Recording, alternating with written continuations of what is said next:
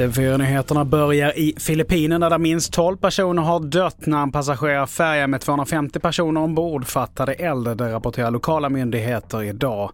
Bland annat Kustbevakningen och flottan har deltagit i räddningsarbetet där minst 23 personer har fått föras till sjukhus och sju stycken saknas fortfarande.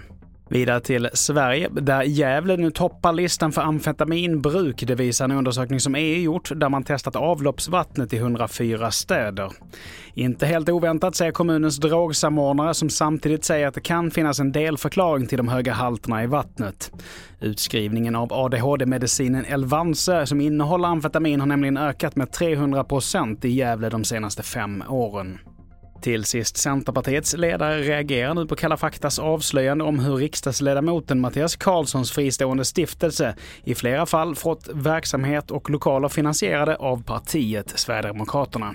Muharrem Demirok kräver nu att regeringen granskar om partiet också dragit nytta av de anonyma donationer som stiftelsen samlar in. Gunnar Strömmer behöver ju tydliggöra eh, lagstiftningen i det, täppa till det hålet som möjliggör den här typen av märkliga upplägg och partifinansiering från anonyma källor. Eh, det behöver också tillsättas en eh, tydlig utredning för att eh, granska hur partiernas finansiering överlag ser ut. Fler nyheter hittar du på tv4.se. Jag heter Mattias Nordgren.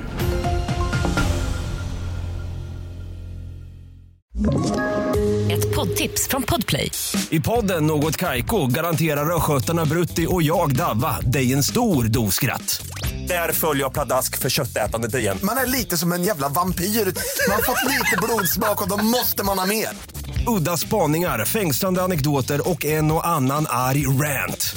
Jag måste ha mitt kaffe på morgonen för annars är jag ingen trevlig människa. Då är du ingen trevlig människa, punkt. Något Kaiko, hör du på Podplay. Därför är gardinerna.